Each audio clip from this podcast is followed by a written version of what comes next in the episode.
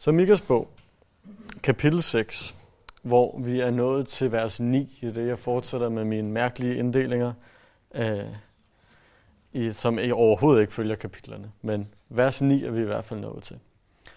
Øh, det er som sagt den sidste gang i Mika. Øh, og i den her sidste del, der vil Mika se på Gud. Han vil beskue sin Gud. Han kommer til at se ham, som han er. Mika han kigger på situationen i landet, som har været beskrevet gennem store dele af bogen, og samtidig ser han mod ham, han kalder sin frelsesgud. Og så ser han fire forskellige karaktertræk hos Gud. Fire karaktertræk, som han oplever på nært hold, og som er meget definerende for, hvem Gud er, både det gamle og det nye testamente. Så målet for os i aften er at se de her fire karaktertræk, og at se dem lige så tydeligt, som Mika så og forhåbentlig derigennem at lære Gud bedre at kende, som den han er. Vi er nået til vers 9 i kapitel 6 i Mika, og den her første inddeling, det første karaktertræk, vi skal se på, handler om Guds dom og Guds retfærdighed. Øh, det er hele resten af kapitlet, kapitel 6, vi ser. Til trods for, at Herren havde været med sit folk, som vi så på sidste gang kapitel, i starten af kapitel 6. Til trods for, at han havde velsignet dem både med sit ord og med ledere i form af Miriam, Aaron og Moses, så var Juda stadig faldet i synd. Vi så i starten af kapitel 6 en, en retssag, hvad vi har kaldt det, øh, hvor Gud igennem Mika viste med al tydelighed, at det var Israel, der havde gjort noget forkert. Det var ikke Gud. Det var dem, der havde handlet forkert. Det overordnede problem, det så vi i vers 8, øh, hvor der står, menneske, du har fået at vide, hvad der er godt, hvad Herren kræver af dig. Du skal handle retfærdigt, vise trofast kærlighed og overvågen vandre med din Gud. Øh, så det havde Herren krævet, var, at de handlede retfærdigt, øh, de elskede trofast kærlighed, og de vandrede med ham. Og det var akkurat det, de ikke havde formået. På baggrund af det, nu, nu har Gud vist, hvad der var galt, øh, overordnet set. Og nu vil han så forklare, hvad betyder det rent praktisk? Hvad er det rent praktisk for nogle ting, I gør forkert i jeres måde at leve på? Øh, han har netop vist, at det var meget, meget tydeligt, at de meget, meget tydeligt vidste, hvad det var, de skulle gøre og ikke skulle gøre. Og nu vil han så vise på en meget, meget tydelig måde, at de ikke gjorde det. Og at de gjorde alt det forkert i stedet for. Så vi starter i vers 9. Herren kalder på byen. Det er visdom at frygte dit navn. Hør stamme og byens forsamling. Så Herren har et eller andet, de skal høre meget tydeligt. Han kalder på byen. Han siger, hør stamme og byens forsamling. Og det, de skal høre, er en, en forklaring på den dom, der er på vej. Den dom, som vi har hørt om gennem hele bogen. Øh, I det, han, han begynder med den her forklaring, så er det som om, at, at Gud er ved at tale gennem Mika, og så stopper Mika lige op, for han har lige noget at tilføje.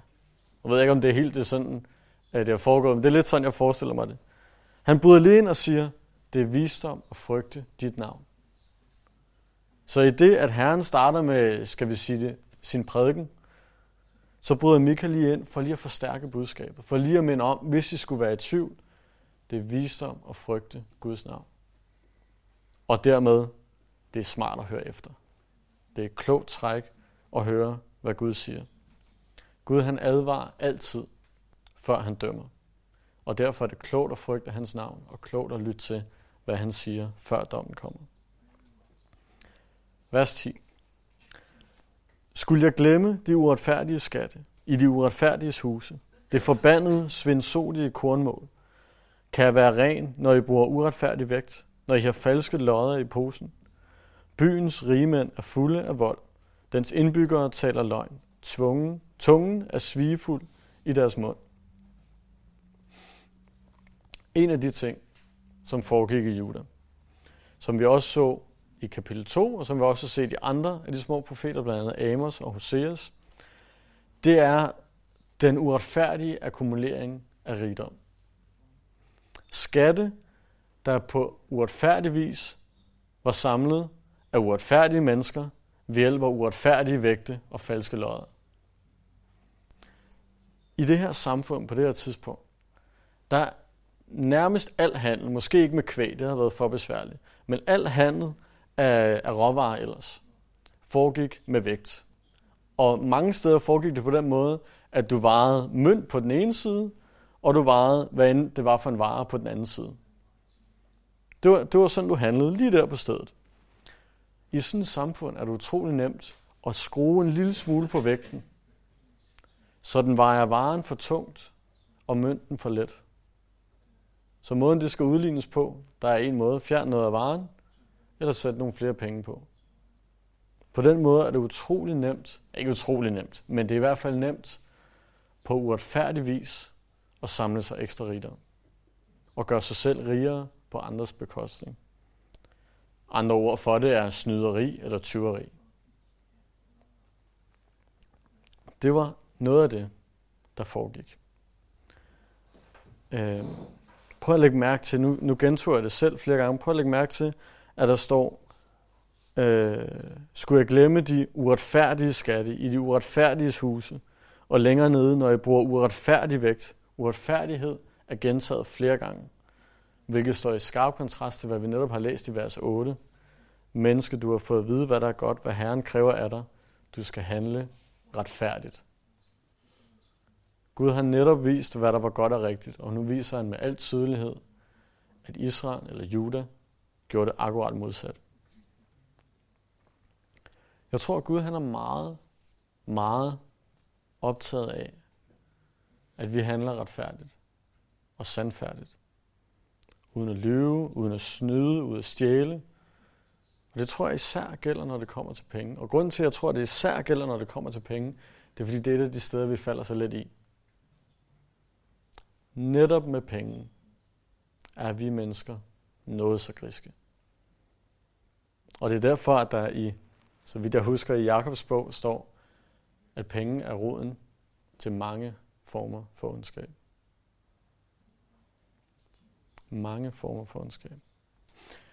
Jeg synes, jeg er lige, lige glad med, om det handler om at gemme sine penge i Panama, om det handler om at installere snydesoftware i sine biler, så de sælger bedre, eller om det bare handler om at lade være med at tjekke ind, når man kører med toget, eller skrive ekstra timer på arbejdssiden.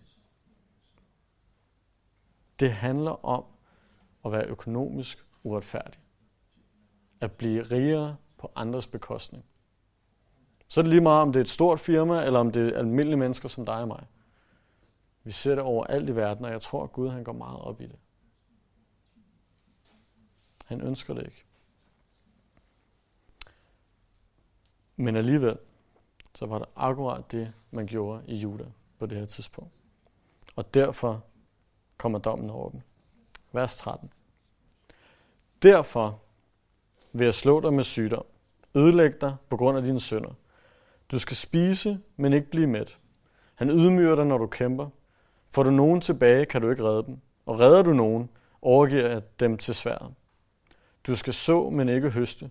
Du skal presse oliven, men ikke salve dig med olien. Presse druer, men ikke drikke vinen. Man holder sig til omridsforordninger og alle Akabslægtens gerninger. I følger deres råd. Derfor vil jeg lægge dig øde, så man pifter hånligt af byens indbyggere. Mit folks forhåndelse skal I bære.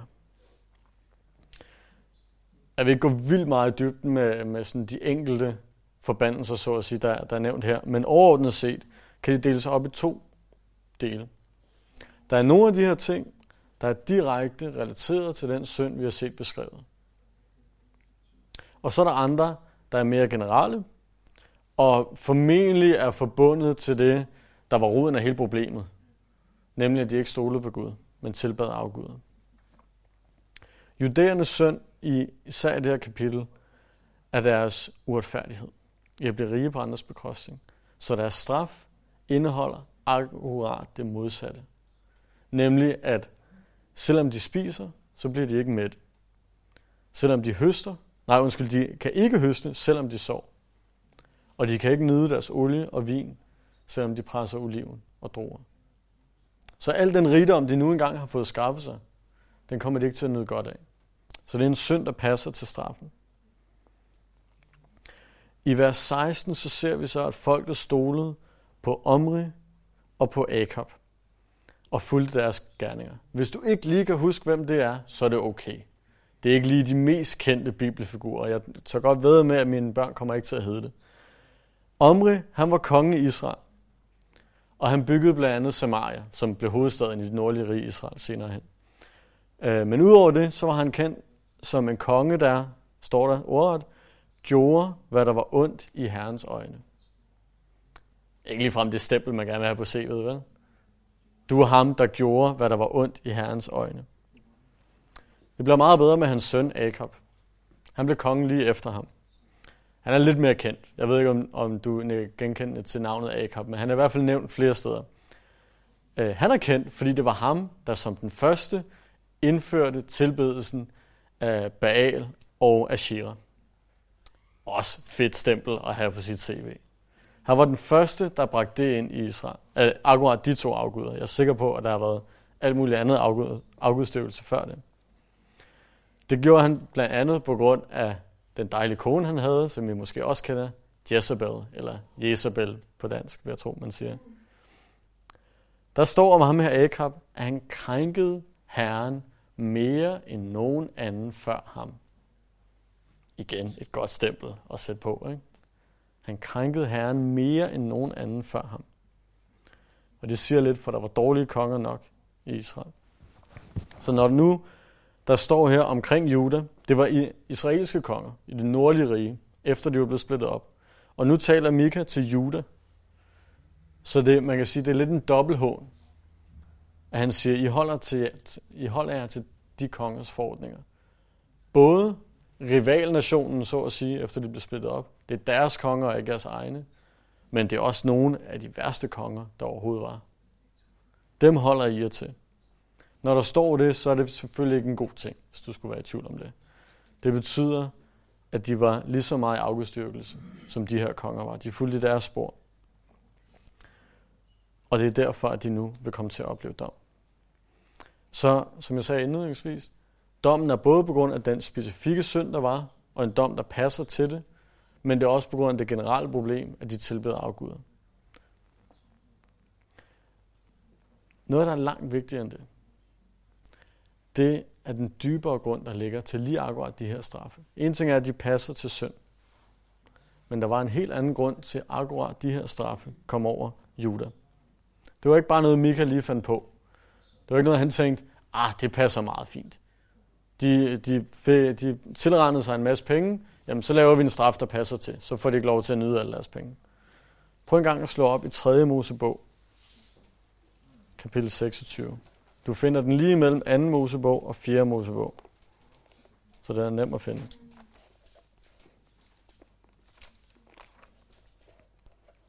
I 3. Mosebog, kapitel 26, der ser vi selvfølgelig loven, som den blev givet gennem Moses, og vi ser, hvordan de her ting, Mika siger, stammer helt tilbage fra den indledende lov. Der står nemlig i 3. Mosebog 26 fra vers 14 af. Men hvis I ikke hører på mig, og ikke følger alle disse befalinger, hvis I forkaster mine love og vrager mine retsregler, og ikke følger alle mine befalinger, men bryder min pagt, da vil jeg til gengæld gøre sådan ved jer. Jeg vil hjemsøge jer med redsler, svindsot og feber, der slukker lyset i jeres øjne og tager livskraften fra jer. Forgæves skal I så jeres sæd, jeres fjender får udbyttet at spise. Jeg vender mig mod jer, så I bliver slået af jeres fjender, og jeres modstandere kommer til at herske over jer. I skal flygte, selvom ingen forfølger jer. Og han bliver ved endnu, men lad os bare fokusere på de ting, han siger her. Det er nærmest det samme, som i Mika kapitel 6. Der er nævnt sygdom det ene sted, og feber det andet sted. Der er nævnt det at så og presse, men ikke få glæde af det. Altså landbruget, der går til spil. Der er nævnt tab i kamp, ydmygelse af fjender. Det er de samme specifikke ting. Det var ting, som Gud havde lovet israelitterne helt fra begyndelsen. At de ville gennemgå, hvis de brød pakten. Og hvis du sidder og tænker, det er tavle. Gud opfandt jo reglerne. Det, det er jo snyd. Det, hvad hvis israelitterne ikke havde lyst? Gud spurgte dem gentagende gange. Er I nu sikre på, at I vil være med i den her pagt? i slutningen af Josvas bog, efter de var gået, kommet ind, kommet over Jordanfloden, ind i øh, begyndelsen af det forjættede rige, det forjættede land, der spørger Gud dem, gennem Jospe, er I sikre på, at I vil være med i den her pagt? Og hele folket siger ja. Og Jospa siger, er I nu helt sikre? Og hele folket siger ja. Folket vidste godt, hvad de gik ind til. Så straffen den kommer som et naturligt led i den pagt Gud og Israel de havde indgået. Der var ikke noget overraskende i det. Lige så vel som der ikke var noget overraskende i, tilbage i starten af kapitel 6, i det Gud krævede af dem. Nu læser jeg igen vers 8, hvor der stod, menneske, du har fået at vide, hvad der er godt, hvad Herren kræver af det. Der var ikke noget overraskende. Hverken i kravet eller i straffen, der ville efterfølge. Jeg tror, jeg har sagt det før, en enkelt gang eller to. Men det skader ikke at gentage det. Men når vi læser det her, når vi læser det gamle testamente, især profeterne, så skal vi huske, at den dom, Gud taler om, det er den dom, som han allerede havde advaret om i pakten. Det er den dom, de havde indgået aftaler om. Vi er nødt til at se det i lyset af den pagt. Det var en pagt baseret på Israels gerninger. Hvis Israel handlede godt, ville de blive velsignet. Hvis de handlede dårligt, hvis de brød pakten, så ville de blive forbandet. Det stod i 3. Mosebog, og det er gentaget igen i 5. Mosebog i slutningen der. Det står igen og igen og igen. Når vi læser det, så husker vi på, at vi er ikke under den samme pagt. Vi er ikke under pagten gennem Moses. Når Gud han velsigner os, så er det ikke fordi, vi kan slå op og se, Nå, om Gud han vil gerne have det og det og det. Nå, men så har jeg jo nok gjort det. Det er derfor, jeg er velsignet. Eller omvendt, når vi føler, at tingene går dårligt, så er det ikke fordi, vi kan slå op og sige, Nå, men så er det nok fordi, jeg har stjålet fra nogen. Eller har holdt mig til Akab-slægtens gerninger eller noget andet. Vores gerninger har ikke noget at gøre med vores velsignelse eller vores forbandelse.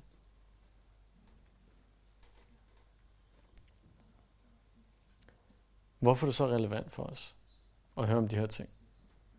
Hvorfor skal vi læse Mikas bog, når nu det bare skal se lyset af en pagt, som vi ikke hører ind under? Jeg har to gode grunde. Jeg synes i hvert fald selv, de er gode. Så må I jo selv bedømme, hvad I synes.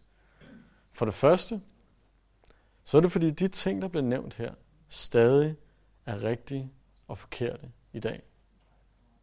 Loven er stadig sand. Loven er stadig god. Loven er ikke ændret gennem Jesus. Den er opfyldt igennem Jesus. Det er ikke fordi Gud har ændret mening om, hvad der er godt og dårligt at gøre i dag. Hvordan det er godt at leve sit liv.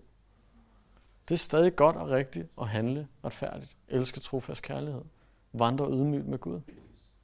Det er stadig forkert og syndigt at snyde og lyve. Det håber jeg virkelig ikke er en overraskelse for jer. Loven er stadig god. Vi bliver bare ikke velsignet eller forbandet på baggrund af, hvorvidt vi opfylder den. Det er det, der er forskellen. Men måden, vi lever på, skulle meget gerne følge de samme ting. Ikke for at blive velsignet, men fordi vi er velsignet. Fordi Jesus har opfyldt loven for os. Har sagt, den her dom, som I fortjener akkurat den samme, den har jeg taget for jer. Derfor ønsker vi at leve efter det. Et godt billede, der tit er brugt, er, at, at Israel var mere som, ikke at de bliver, bliver kaldet det specifikt, men de var mere som slaver. De handlede, som de gjorde, eller lød være med at handle, for at blive velsignet, eller for at undgå straf. Det er sådan en slavehandler. Vi er ikke slaver. Vi er børn. Vi handler ikke på en bestemt måde. Jo, nogle små børn gør selvfølgelig. Men fuldvoksne børn, der godt ved, hvad der er rigtigt og forkert, de handler ikke på en bestemt måde for at få noget af deres forældre, eller for at undgå, at de bliver sure. De handler på en bestemt måde for at glæde deres forældre.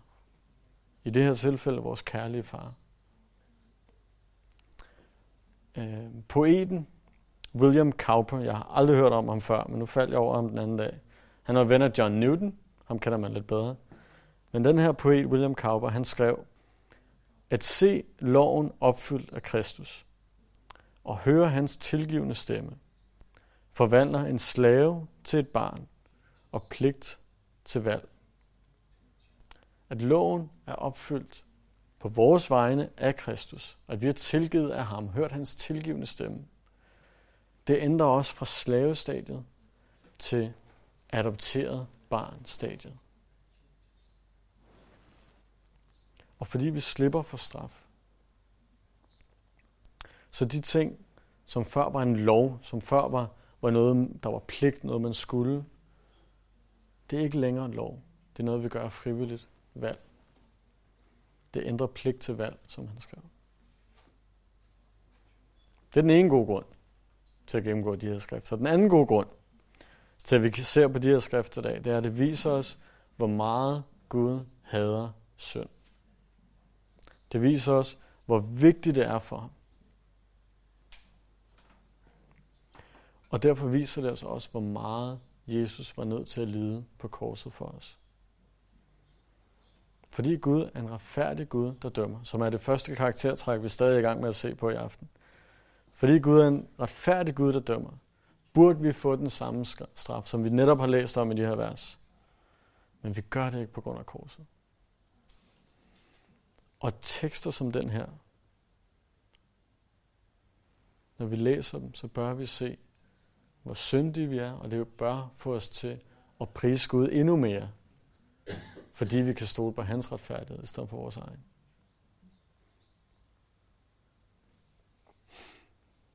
Jeg er glad for, at jeg ikke skal stole på min egen retfærdighed, men Guds retfærdighed. Det er første karaktertræk, som vi skal se på. Vi springer direkte ind i kapitel 7, og hvis du troede, vi var færdige med dom, så beklager jeg meget. Der er lige seks vers mere. Fordi det første seks vers i kapitel 7 er Mikas V-råb over Guds dom. Og med V-råb, så er det, kan man sige, han, hans beklagelse. Øh, hans tristhed over Guds dom. Ligesom vi så helt tilbage i kapitel 1, så er Mika dybt rørt over folkets synd og deres fortabelse. Det er ikke sådan, at han bare prædiker dom, og så vender ryggen til. Fordi han er på den rigtige side. Han er retfærdig. Han er trods alt en Guds profet, så han kan være ligeglad. Det er ikke sådan, Mika gør. Han identificerer sig med folket. Han føler med folket. Han græder for folket. Jeg er overbevist om, at Mika har levet et fint liv. Selvfølgelig var han en synder. Det er vi alle sammen. Men han har garanteret levet et relativt heldigt liv. Han har garanteret været blandt den retfærdige rest, som Gud havde blandt folket. Den rest, som Gud vil bevare og skåne gennem trængsen, gennem dommen. Men i medfølelse over for alle de andre, som er ved at blive dømt. Så er han knust over den dom, vi netop har læst om. Og derfor læser vi i vers 1, at Mika siger, Ved mig, jeg har det som når frugten samles ind, ved efterslæt efter vinhøsten. Der er ingen druer, jeg kan spise, ingen tidlige finer, jeg har lyst til. Mika er forfærdet. Og han siger, at der er hverken noget, han kan spise, eller noget, han har lyst til at spise. Så der er ikke noget frugt derude. Selv hvis det var, så ville jeg ikke have lyst til at spise den. Så er man altså trist. Normalt, øh, når vi oplever tab, eller sorg, eller noget i den stil, så et af, en af de ting, der sker, det er, at vi ikke har lyst til at spise noget. Det er akkurat det, Mika oplever her. De fromme er forsvundet fra landet. Der findes ingen retskaffende mennesker. Alle ligger på lur efter blod og jager hinanden i fordærv. Deres hænder er villige til at gøre det onde. Stormanden kræver ind. Dommeren vil have betaling. Rigmanden forlanger, hvad han har lyst til. De fordrejer alting. De bedste af dem er som en tornebusk. De retskaffende som et tjørnekrat. Den dag din vægtere meldte, straffens dag er kommet. Nu rammes du af den forvirring, de meldte om. Så Mika han begræder, at retfærdigheden er forsvundet fra landet. Der er ikke nogen fromme tilbage. Der er ikke nogen, der gør andre godt. Der er kun ondskab. Der er kun selviskhed. Det er lidt det billede, han prøvede at vise i hver 1. Der er ikke nogen retfærdig at finde i landet. Det vil sige, der er ikke nogen god frugt at finde. Det er kun det rådne, der er tilbage. Så der er hverken noget godt at spise, eller noget, man har lyst til at spise. Og det er fuldstændig lige meget, om det er stormanden, altså en eller anden form for politisk magthaver, om det er dommeren, en juridisk magthaver, eller rigmanden, det vil sige en, der bare har mange penge, sjovt nok. Det, det er fuldstændig lige meget, hvem det er, vi snakker om i landet. Alle er de fordrejet og lever kun for egen vindings skyld. Vil have betaling for at gøre deres arbejde ordentligt. Kræver ind, står der. Selv de bedste af dem, og det er endnu en god ting at have på CV'et, ikke? Selv de bedste af dem er som en tornebusk og et tjørnekrat. Fed beskrivelse. Det er der, hvor man lige siger, tak Mika, du er en kammerat. Tak for det kompliment. Vers 5. Tro ikke på jeres venner. Stol ikke på jeres frænder. Sæt lås for din mund, for hende, der hviler din favn. For en søn foragter sin far, en datter rejser sig imod sin mor, en svigerdatter imod sin svigermor, en mand får sine husfolk til fjender. Så Mika han, han går over i, at nu er det ikke, det er ikke så meget dommen, han fokuserer på. Det var det tilbage i kapitel 1 primært. Det han fokuserer på er, at han er knust over, hvordan tilstanden er i folket. Hvorfor er det, at mine landsmænd handler på den her måde? Ingen er til at stole på. Der er ingen venner tilbage. Det er en hver mand for sig selv. Al retfærdighed er borte fra landet. Selv i familier er der fjendskab. Det er den nation, det er den situation, som Mika befinder sig i på det her tidspunkt. Den sidste del af bogen, fra vers 7, er for det første meget mere opløftende. Men det er også mere eller mindre en samtale mellem Gud og Mika vedrørende Juda. Det er Mika, der starter med at bede til Gud. Han beder i tro og i håb om, at Juda må blive frelst. Og Guds svar er selvfølgelig, det vil de. Mika han beder Gud om at være barmhjertig. Og han beder både i tro på, at han vil være det, men han beder også med viden om, at selvfølgelig er han det. Og derfor så, så bliver det til sidst ikke så meget en bøn, det bliver snarere en profeti, som taler om, hvad Gud vil gøre. Tilstanden i landet, som vi netop har set, er elendig. Men så længe Gud er Gud, er den ikke håbløs. Og så længe der er nogen, der beder på vegne af folket, er der stadig en udvej. Vi har fra kapitel 6, vers 9 og helt frem til 7, 6 set på Guds retfærdighed, Guds dom. Det var det første karaktertræk. Det er det alvorlige karaktertræk. Nu skal vi se på Guds udfrielse og Guds vejledning i forbindelse med Juda. Vers 7. Jeg spejder efter Herren. Jeg venter på min frelsesgud. Min Gud vil høre mig.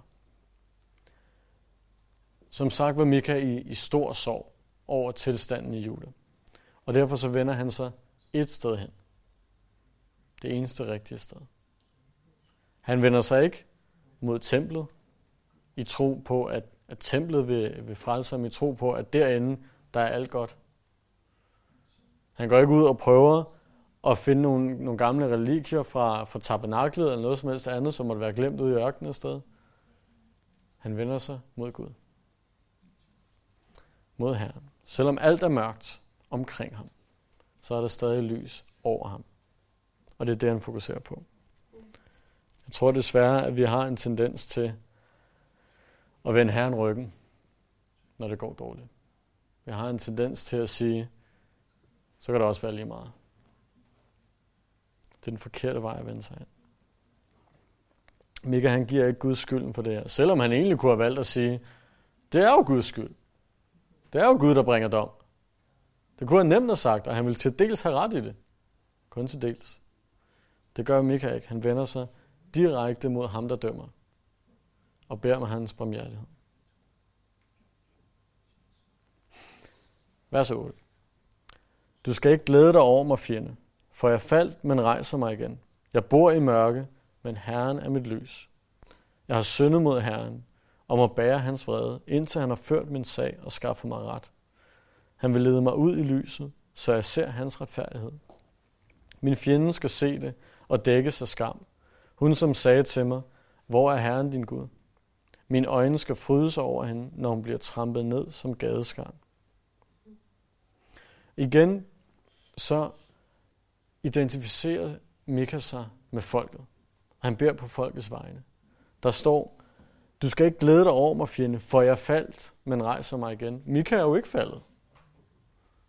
Mika er ikke blandt de mange, mange, mange mennesker i folket, som lever uretfærdighed. Men alligevel så beder han på deres vegne og siger, jeg er en del af folket. Hvis folket er synder, så står jeg på deres side. Han prøver ikke at gemme sig bag et eller andet helligt ydre. Han identificerer sig med folket. Det er i øvrigt akkurat det samme, Daniel gør i Daniel kapitel 9, inden hans store øh, profeti, der kommer der i Daniel kapitel 9. Øh, han identificerer sig også med folket, til trods for, at han levede et retfærdigt liv. Folkets fjender, står der, skal ikke glæde sig.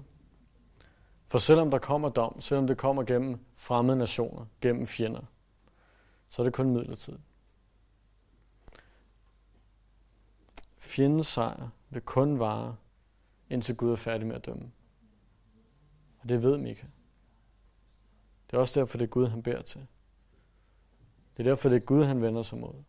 Ikke mod de fremmede nationer om at please, lad være med at slå os. Han vender sig mod Gud, for det er ham, der står bag. Nu længere han kommer ind i sin bøn, det er noget af det, jeg synes er mest fantastisk. Nu længere han kommer ned, så virker det som om, at nu beder han ikke længere. Nu proklamerer han. Nu er det ikke så meget, Gud må du være barmhjertig. Nu er det snarere, Gud, jeg ved du er barmhjertig. Jeg ved, du vil føres igennem det her. Det er tro. Det er tro. Noget andet, der er meget interessant, det er, når der står øh, i vers 9, Jeg har syndet mod Herren og må bære hans vrede, indtil han har ført min sag og skaffet mig ret. Han vil lede mig ud i lyset, så jeg ser hans retfærdighed. Indtil han har ført min sag. Indtil han på mine vegne har ført min sag. Indtil han har skaffet mig ret. Hvordan kan sætningen fungere, at han siger, jeg har syndet, jeg må bære Herrens vrede, indtil han har givet mig ret? Hvordan kan du både være en synder og samtidig få retten på din side? Det, det, det findes ikke. Om det er Mika individuelt, om det er hele folket, det, det findes ikke. Du kan ikke både være uretfærdig og have retten på din side på samme tid. Så hvordan sætter vi det sammen? Jeg tror på, at Mika han kunne gøre det på en måde. Tilbage i kapitel 5. I den danske bibel vers 2, i den engelske, undskyld, den danske vers 1, i den engelske vers 2, skriver han, Du Bethlehem Efrata, du er lille blandt Judas slægter. For dig skal der udgå en, som skal være hersker i Israel. Hans udspring er i fortiden i el gamle dage. Søndagsskolespørgsmål. Er der nogen, der kan gætte, hvem der skulle komme fra Bethlehem? Jesus. Jesus. Og han går videre i vers 5, og han nævner også i vers, i, undskyld, han går videre i kapitel 5, og nævner også i kapitel 4, den her fredens herre, der skulle komme og skaffe fred til folket. Mika er allerede ret god til at se mod Jesus. Og den eneste måde, at du kan sammensmelte og få dømt synd og samtidig være retfærdiggjort, det er ved at se mod korset. Det er ved at se mod den Herre, der på et tidspunkt dømmer al vores synd, men samtidig skaffer os retfærdighed på det kors. Det er det eneste sted, hvor det foregår. Så jeg tror på, at den eneste måde, Mika han kan sige det her, det er at se mod korset. Han har på en eller anden måde fået en åbenbaring fra Gud om, hvad han vil gøre. Om at han vil skaffe ret til sit folk. Han vil lede dem ud i lyset og gøre dem retfærdige, til trods for al deres synd og al den dom, der måtte komme. Gud er i sandhed en Gud, der rejser de faldende og bringer op mod i lyset, som der står her. Det er akkurat det, han har tænkt sig. Det, det er Mikas indledende bøn. Dernæst så svarer Gud i det næste par vers. Vers 11. Den dag kommer, da dine gager bygges op. Den dag, da dine grænser udvides. Den dag, da de kommer til dig fra Assyriens og Ægyptens byer. Ja, fra Ægypten til Øfrat. Fra hav til hav og fra bjerg til bjerg. Men jorden bliver til ødemark på grund af dens beboere. Det er frugten af deres gerninger. Det er Guds svar til Mika. Og som så mange gange før, så svarer Gud lidt et andet sted, end jeg tror, Mika han lige havde i tankerne. For jeg tror på, at de her ting taler om tusindårsriget. Så der står Mika for 2700 år siden, spejder frem 700 år i en fremtid, som man ikke ved, hvornår ligger, og beder Gud være barmhjertig mod dit folk. Og så svarer Gud, om små 3.000 år, så gør jeg det her. Det må da være meget irriterende for Mika. Bortset fra, han ved ikke, hvornår det er. Der er, der er ikke sat nogen dato på. Der var øvrigt heller ikke sat nogen dato på Mikas bøn. Han sagde ikke, vær retfærdig i morgen. Han sagde bare, eller barmhjertig, undskyld. Han sagde bare, vær barmhjertig. Og det er Gud. Men hver ting til sin timing. Gud han svarer ikke nødvendigvis bøn, når vi har det i tankerne. Han svarer, når det passer ind i hans plan. Så som så mange gange før, så slutter en af de små profeter af med at tale om tusindårsriget, om de sidste tider. Her vil både landet og folket blive bygget op på ny. Der står, at deres gære vil bygges op, og deres grænse vil udvides. Øh, hvilket selvfølgelig allerede er startet. Det ser vi i dag.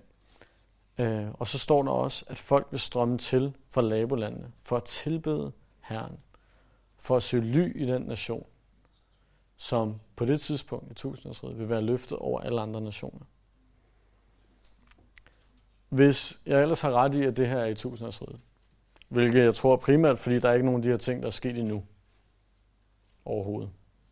Ah, ikke overhovedet, men de er ikke fuldgjort endnu. Hvis jeg er ret i, at det er tusindårsriget, så ved vi også, at lige inden det, der er der Jesu genkomst. Og det vil sige Jesu dom over uretfærdige nationer. Og nu ved jeg ikke præcis, hvor mange lande der er i verden. Der er nok en 210 stykker eller noget af den stil. Ud af de 210 nationer, lad os sige det 210, der vil der på det her tidspunkt være rundt regnet 209 uretfærdige nationer tilbage på jorden. Fordi vi er væk. Vi er bortrykket mange år før det. Nej, ikke mange år. Nogle år før det. Der hersker kun uretfærdighed på hele planeten på det tidspunkt. Bortset fra en lille rest i Israel, der på det her tidspunkt gemmer sig. Det gør også, at når Jesus kommer tilbage og dømmer, der vil han dømme alle de andre nationer. Så når der står, øh, den dag, da de kommer til dig, vers 9, fra Assyriens og Ægyptens byer, ja, fra Ægypten til Øfrat, fra hav til hav og fra bjerg til bjerg, men jorden bliver til ødemark på grund af dens beboere. Det er frugten af deres gerninger. Jeg tror, at det her taler om den dom, Jesus han kommer med over resten af jorden, som vil blive til ødemark i det, han dømmer dem. Og det er en af grundene til, at Israel vil være det gode sted at søge hen i starten af tusindårsriget. I det, at de vil være den første nation, der bliver bygget op på ny. Derfor er det der, man søger hen for at tilbede Herren. Jeg tror så, at som tiden skrider frem i tusindårsriget, vil det selvfølgelig ikke være det eneste sted, folk holder til. Øhm, jeg tror simpelthen, der vil være for mange mennesker til, at man kan være på så lille sted. Øh, men til at starte med, er det det eneste sted, tror jeg, som ikke er blevet forfærdeligt udslettet. Og nu når, når Jesus troen skal stå i Jerusalem, så tror jeg stadig, det bliver et fint sted at tage på sommerferie i løbet af tusindårsriget. Det er bestemt ikke, fordi at det bliver kedeligere senere hen. Men især i starten, tror jeg, der, der er god grund til at samle sig der. Efter det her svar, som Gud han kommer med i vers 11-13, øh, så beder Mika igen. Og det var det, jeg nævnte med, at det var lidt en samtale frem og tilbage. Øh, den her gang er det uden et specifikt svar fra Gud på den bøn, øh, men det der er fedt er, at bønnen i sig selv er profetisk, øh, og tror jeg på, inspireret af Gud. Øh, og den hviler i øvrigt på de ting, vi tidligere har set i Mika, som Gud sagde ret specifikt, han vil gøre i kapitel 2 og kapitel 5. Så jeg tolker det her som værende noget, som Gud han har tænkt sig at gøre, selvom det er Mikas bøn og ikke Guds svar. Der står, Vogt dit folk med staven. De får du ejer, dem som bor alene i skoven, midt i frugthaven. De skal græsse i Bashan og Gilead, som i fortidens dage. Lad os se under, som dengang du drog ud af Ægypten. Folkene skal se det og blive til skamme, trods al deres styrke. De skal lægge hånden på munden, deres ører bliver døve. De skal slikke støv som slanger, som jordens kryb. Skælvende for Herren vor Gud. Kommer de frem for deres skjul. De skal frygte og bæve for dig. Kort fortalt, det her tror jeg også har sin plads i tusindårsriget, hvor de omkringliggende folk, hvad end der måtte være, ikke vil kunne røre Israel, til trods for deres styrke. Øh, ligesom at Israel på mirakuløs vis tilbage på Moses tid blev ført ud af Ægypten, der vil, der også, der vil Gud igen på mirakuløs vis frelse Israel i de sidste tider. Han vil føre dem igennem trængselstiden og føre dem til det forjættede land endnu en gang. Og her vil han på ny, som der står i vers 14, være folkets hyrde. Ligesom han var det for David, og ligesom han er det for os i dag. Der står, vogt dit folk med staven. De får du ejer, dem som bor alene i skoven. Man kunne lave en hel prædiken bare på det ene vers, men det skal jeg nok lade være med den her gang. Det bliver en anden gang. Men i hvert fald, det vi har set nu i den primære del af kapitel 7, det er, at Gud han frelser sit folk. Ligesom man udfriede dem fra Ægypten dengang, så vil han gøre det igen. For det greb, der holder dem nu. Og han vil være deres hyrde, han vil lede dem, han vil guide dem. Vi så tidligere også, at han vil i tusindårsriget, vil han vejlede sit folk, han vil undervise sit folk fra Sion. Det er det, vi ser igen. Øh, det er de to karaktertræk, jeg har prøvet at fokusere på de sidste 15-20 minutter. At Gud udfrier sit folk, og Gud han vejleder sit folk. Til allersidst kommer vi til Guds tilgivelse. Så vi har set på Guds retfærdighed, hans dom, vi har set på hans udfrielse, hans vejledning, og nu ser vi på Guds tilgivelse i de sidste tre vers. Efter at have spejdet mod Herren på flere forskellige måder, og efter at Mika er blevet forvisset om en sikker fremtid for sit folk, så har han kun én ting tilbage at gøre. Det er at tilbede Gud. For hans godhed. Og i det, der kommer vi til at se Herrens tilgivelse. Der står i vers 18. Hvilken Gud er som du, der tilgiver skyld og bærer over med synd, hos den rest du ejer. Du som ikke bliver ved at være vred, men holder af at vise godhed. Han viser os atter barmhjertighed og træder al vores skyld under fod. Du kaster alle vores sønder i havets dyb.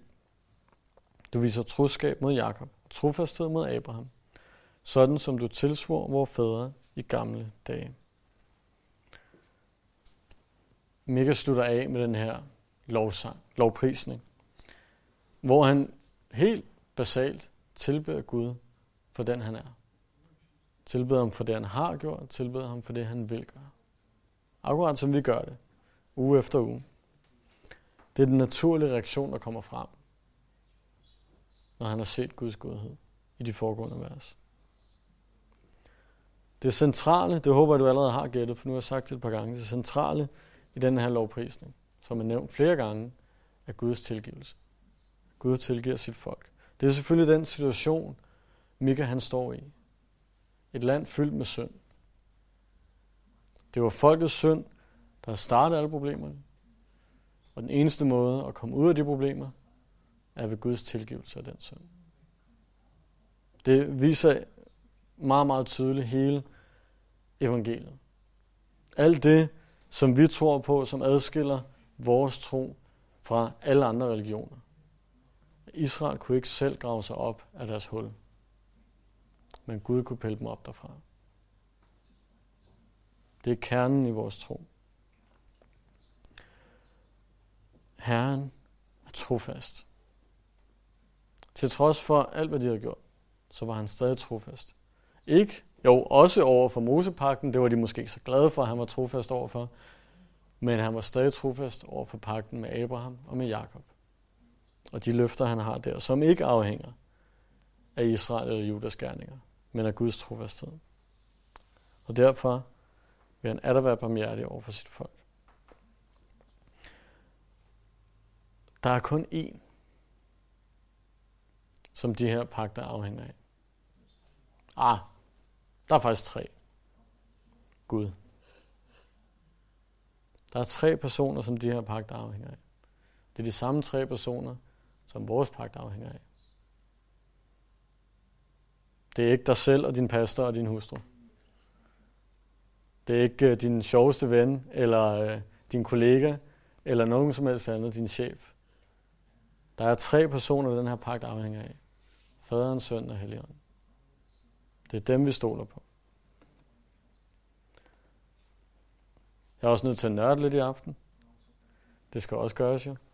Øh, når der står godhed her i vers 18, og når der står trofasthed i vers 20, så er det det hebraiske ord, vi også så sidste gang, som hedder chesed, som betyder noget i stil med lojal kærlighed eller trofast kærlighed. Det var det, der også stod i vers 8, om at vi skal vise trofast kærlighed. Det er en kærlighed, som ikke giver slip, som ikke giver op. Den er trofast mod den, der modtager den. Hvilken Gud er som du, siger Mika. Der er ikke nogen Gud som Herren. Mikas navn betyder, hvem er som Jabe. Så han laver et ordspil på sit eget navn. Det, det synes jeg egentlig også er lidt nørdet at gøre. Men øh, det kan jeg ikke, fordi mit navn betyder ikke noget sejt i den stil. Men han laver et ordspil på sit eget navn. Han betyder, hvem er, hvem er som Jave? og så siger han, hvilken Gud er som du.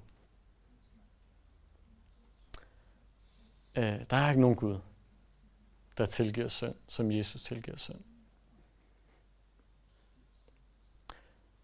Og den her tilgivelse, som Mika prøver at beskrive, den kan spores helt tilbage til Guds egen natur. Det er ikke noget, han har fundet på hen ad vejen. Det er ikke noget, han tænkte, åh, oh, nu faldt Adam i synd, og ej, det gjorde israelitterne også, vi må finde på et eller andet. Åh, oh, lad os tilgive dem.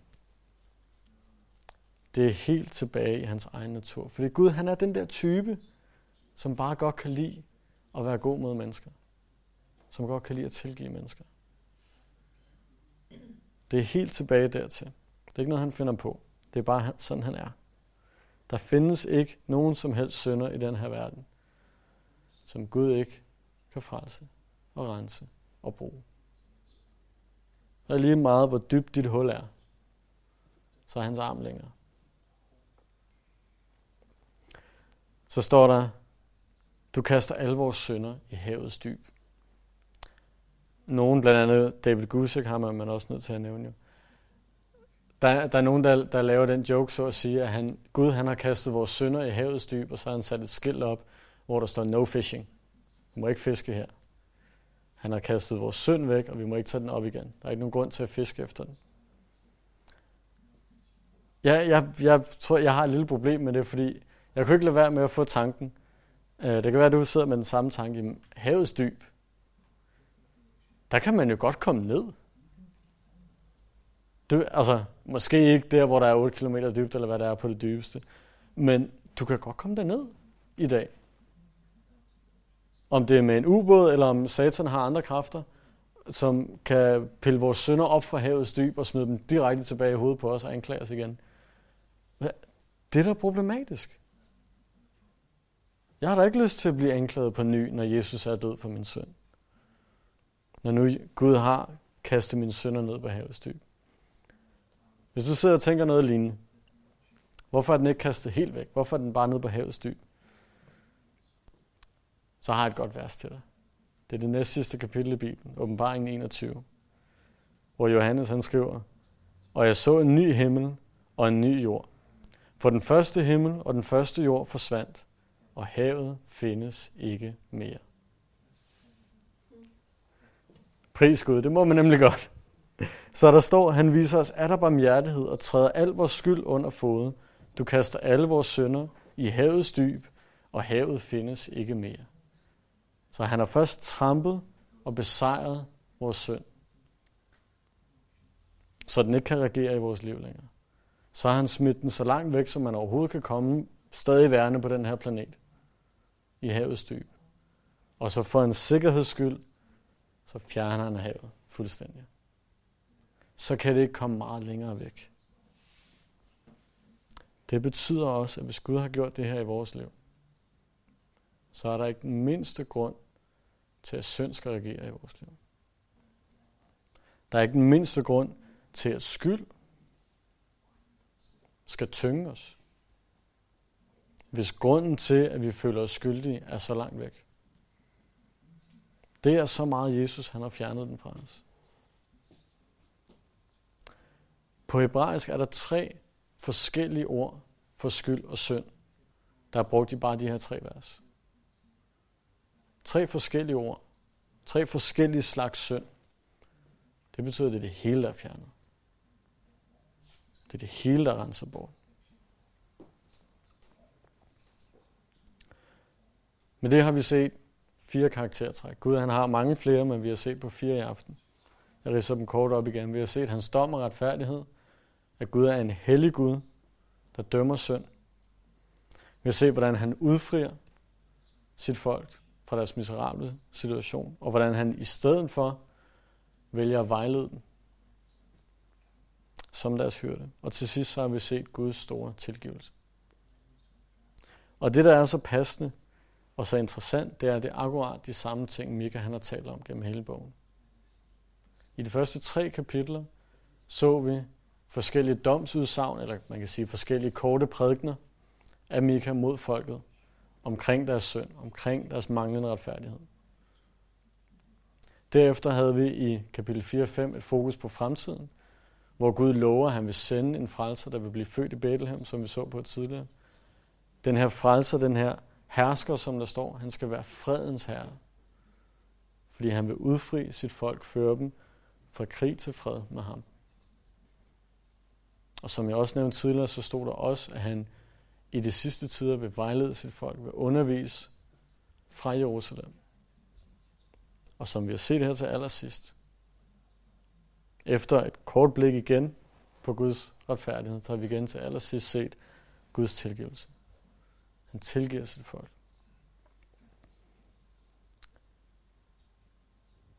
Må vi lære Gud at kende på akkurat den her måde. Som en hellig Gud, som er trofast, både over for sin egen retfærdighed, men også over for sine pakter. Som en Gud, der udfrier og vejleder folk, som vælger at tage imod det, og som har kastet al vores synd og skyld så langt væk som overhovedet muligt. Lad os bede. Far, vi takker for Mika, og vi takker vigtigst af alt for dig. Takker for, at du hang på det kors. Sørg for at gøre os retfærdige og fjerne al vores synd. Ja, det er akkurat derfor, vi tilbeder dig. Det er derfor, vi, vi ønsker at leve for dig. Det er derfor, vi ønsker at give noget tilbage. Ved at leve, som du ønsker det. Ikke for at få mere, du har allerede, allerede givet os det hele, men for at ære dig, for at sige tak takker og priser dig her. Amen.